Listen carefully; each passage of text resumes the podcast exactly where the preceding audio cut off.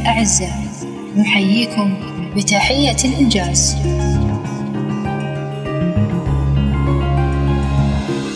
ومضات ومضات هو بودكاست نستنير بإضاءاته ونسير مع ومضاته لنصنع معا سعادة للعاملين ونضع البصمات على حياتهم ونرسم البسمات على وجوههم.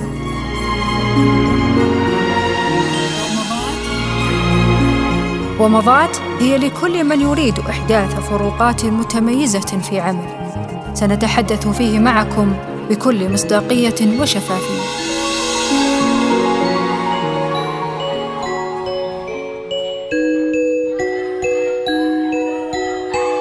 منذ كنا صغارا ونحن نتخذ قرارات في حياتنا.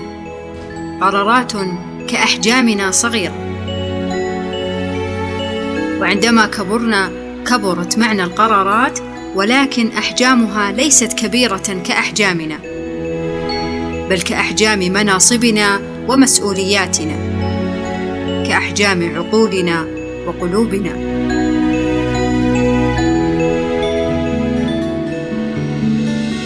ففي حياتنا نكون مسؤولين عن عدة قرارات سواء كانت خاصة بأنفسنا بمن نعول أو بمن نرأس. إن أحدثنا ضررا في اتخاذها على أنفسنا فهي ملك لنا. نتحمل مسؤوليتها ونعيش على تبعاتها. وان اخطانا في اتخاذها على من نعول؟ سنتصافى مع الأيام فهم منا وفينا. أما إذا أوقعنا الضرر في قراراتنا على من نرأس فأثر ذلك سيلاحقنا ما حيينا. وقع تلك القرارات سيكون كبيرا جدا على النفس. وقد تبقى كدماته مدى الحياة. وقعها يتعدى من وقع عليه الضرر ليلامس كل من حوله.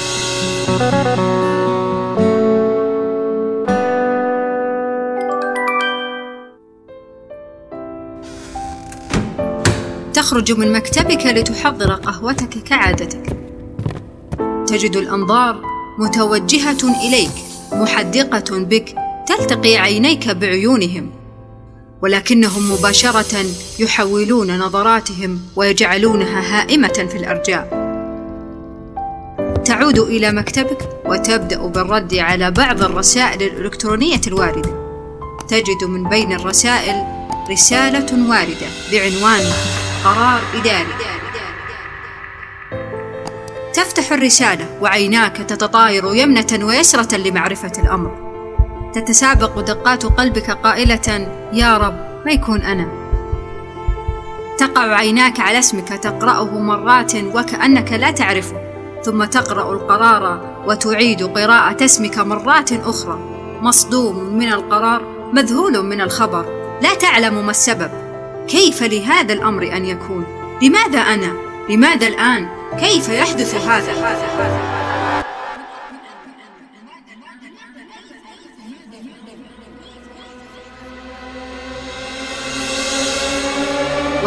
في تفسير تلك النظرات التي كانت تلاحقك. الموظفون جميعهم يعرفون بخبر انتقالك إلا أنت. ذاع الخبر وانتشر وتبدأ أنت في حالة من العصيان على أعصابك. لا تستطيع تمالكها. لماذا لم يخبرونني من قبل؟ لماذا أتفاجأ بهذا القرار وأنا المعني به؟ لماذا؟ ولماذا؟ وتنتهي ساعات العمل وفي عقلك مئة سؤال وسؤال. تذهب إلى بيتك ويذهب أثر ذلك القرار معك. تجلس مع نفسك والآخرين مهموما حزينا حيرانا ناقما. لا تعرف ما الذي ينتظرك غدا. كيف ستتصرف؟ مع من ستكون؟ وكيف سيكون؟ تركت للمجهول.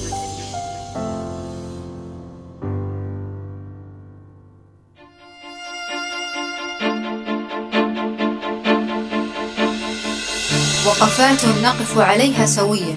نتفكر بها ونتأملها. لماذا يتعامل بعض المدراء مع القرار الإداري؟ كأنه بلاء. لا بد أن يذوق من لوعته الموظفون. لماذا يلجأ بعض المدراء إلى تعميم القرارات الإدارية بهذا الشكل؟ الحماس والمتعة التي يجدونها في ذلك؟ ما هي ردة الفعل التي ينتظرونها من وراء ذلك؟ لماذا يأخذون من سعادة وابتسامات الموظفين بإقرارهم لتلك القرارات بهذه الطريقة؟ ما الدروس التي يريدون من الموظفين أن يتعلموها؟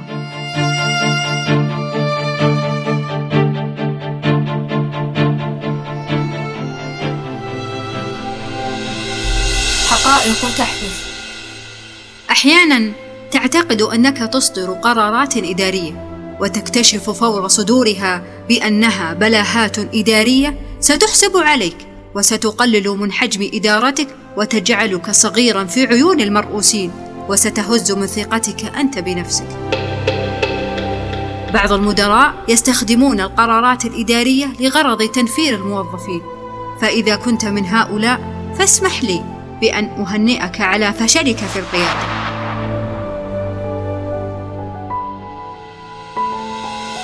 إضاءات لنستنير بها. في القرارات بدايات جديدة فلا تطمس معالم جمالها بأسلوب إقرارها. أفضل طريقة لإقرار بعض القرارات الإدارية هو التمهيد لها قبل تعميمها. استحضر مع الموظفين قيم واهداف الشركة. واربطها بما يفعلونه من مهام ليكونوا ملمين ومطلعين وواعين لما يحدث في مكان العمل. شاركهم ما تريد عمله فهم لا يعلمون ما يدور في ذهنك. ركز معهم على التفاصيل فهناك تفاصيل لا يعيرها المديرون أي اهتمام ولكنها تشكل فارقا كبيرا على الموظف وإنتاجيته. قبل أن تصدر القرار فكر في النتائج والعواقب ولا تصدره بشكل عشوائي رغبة في الانتقام والتحرر من الالتزام. ما أجمل مشاركة الموظفين للقرارات التي تعنيهم لأن التفرد بها لا يأتي بخير. فمشاركتك إياها معهم تعد إحدى علامات التقدير التي سيقدرونك على اهتمامك بها. همسات نهمس بها إليكم. لتبقى معكم على الدوام ولا تزول في قراراتك ضع نفسك دائما مكان الموظف فإذا ضايقك ما تفعله فغير في الطريقة لترتاح ويرتاح تحدث مع الموظفين عن أهمية القرارات وفائدتها وأسبابها. لا تعجل برحيل موظفيك، بل حافظ على من استطعت منهم. ومضاة لنسير معها ونمضي. غير في طريقة القرارات الإدارية واجعلها شيئا جميلا، واعلم بأن القرارات ليست دستورا بل تقبل التغيير. فتحرر من الطريقة المعتادة لإصدارها ضمنها بكلمات تقديرية وتحفيزية للموظفين لينتظرونها حبا وليس رعبا جرب التغيير ولا تتحرج منه فالعيب أن تستمر فيما يعيب. تحدى موظفيك وأخرج من دواخلهم كل جميل. التحرر من الأخطاء صواب يجب أن تعجل به. أظهر لموظفيك تقديرك لهم ولا تخفي عنهم إعجابك بعملهم وتفانيهم فيه. واجه موظفيك عند تقصيرهم في العمل وصارحهم بما يضايقك منهم، فالقائد يحافظ على فريق عمله، يعرف نقاط ضعفهم وقوتهم، يحفزهم للعمل، يتحداهم، يتحدث معهم وليس عنهم، ولا يتخلص منهم بسهولة أو بطرق ملتوية.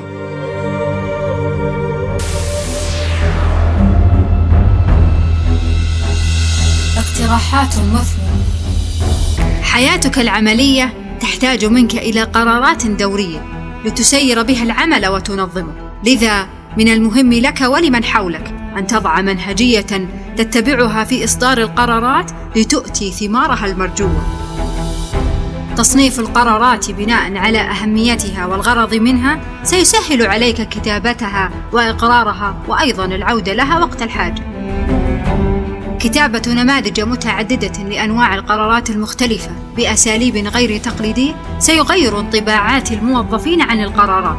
وسيخفف من حدتها أو سيزيدهم سعادة بها. نوع في الطرق والوسائل لإعلان القرارات ولا تكتفي بوسيلة واحدة.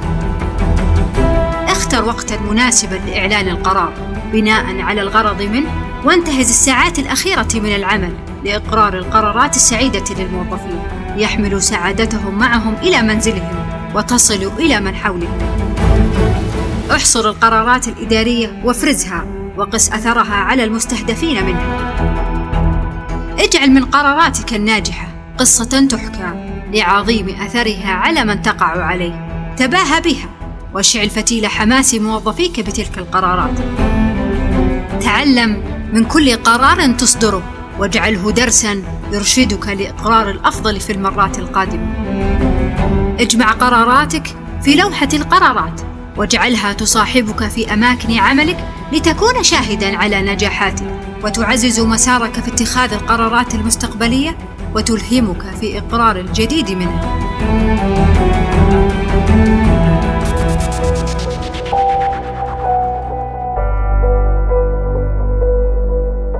وفي الختام استنيروا وسيروا مع ومضاتنا وارسموا السعادة على كل من تعملون معهم.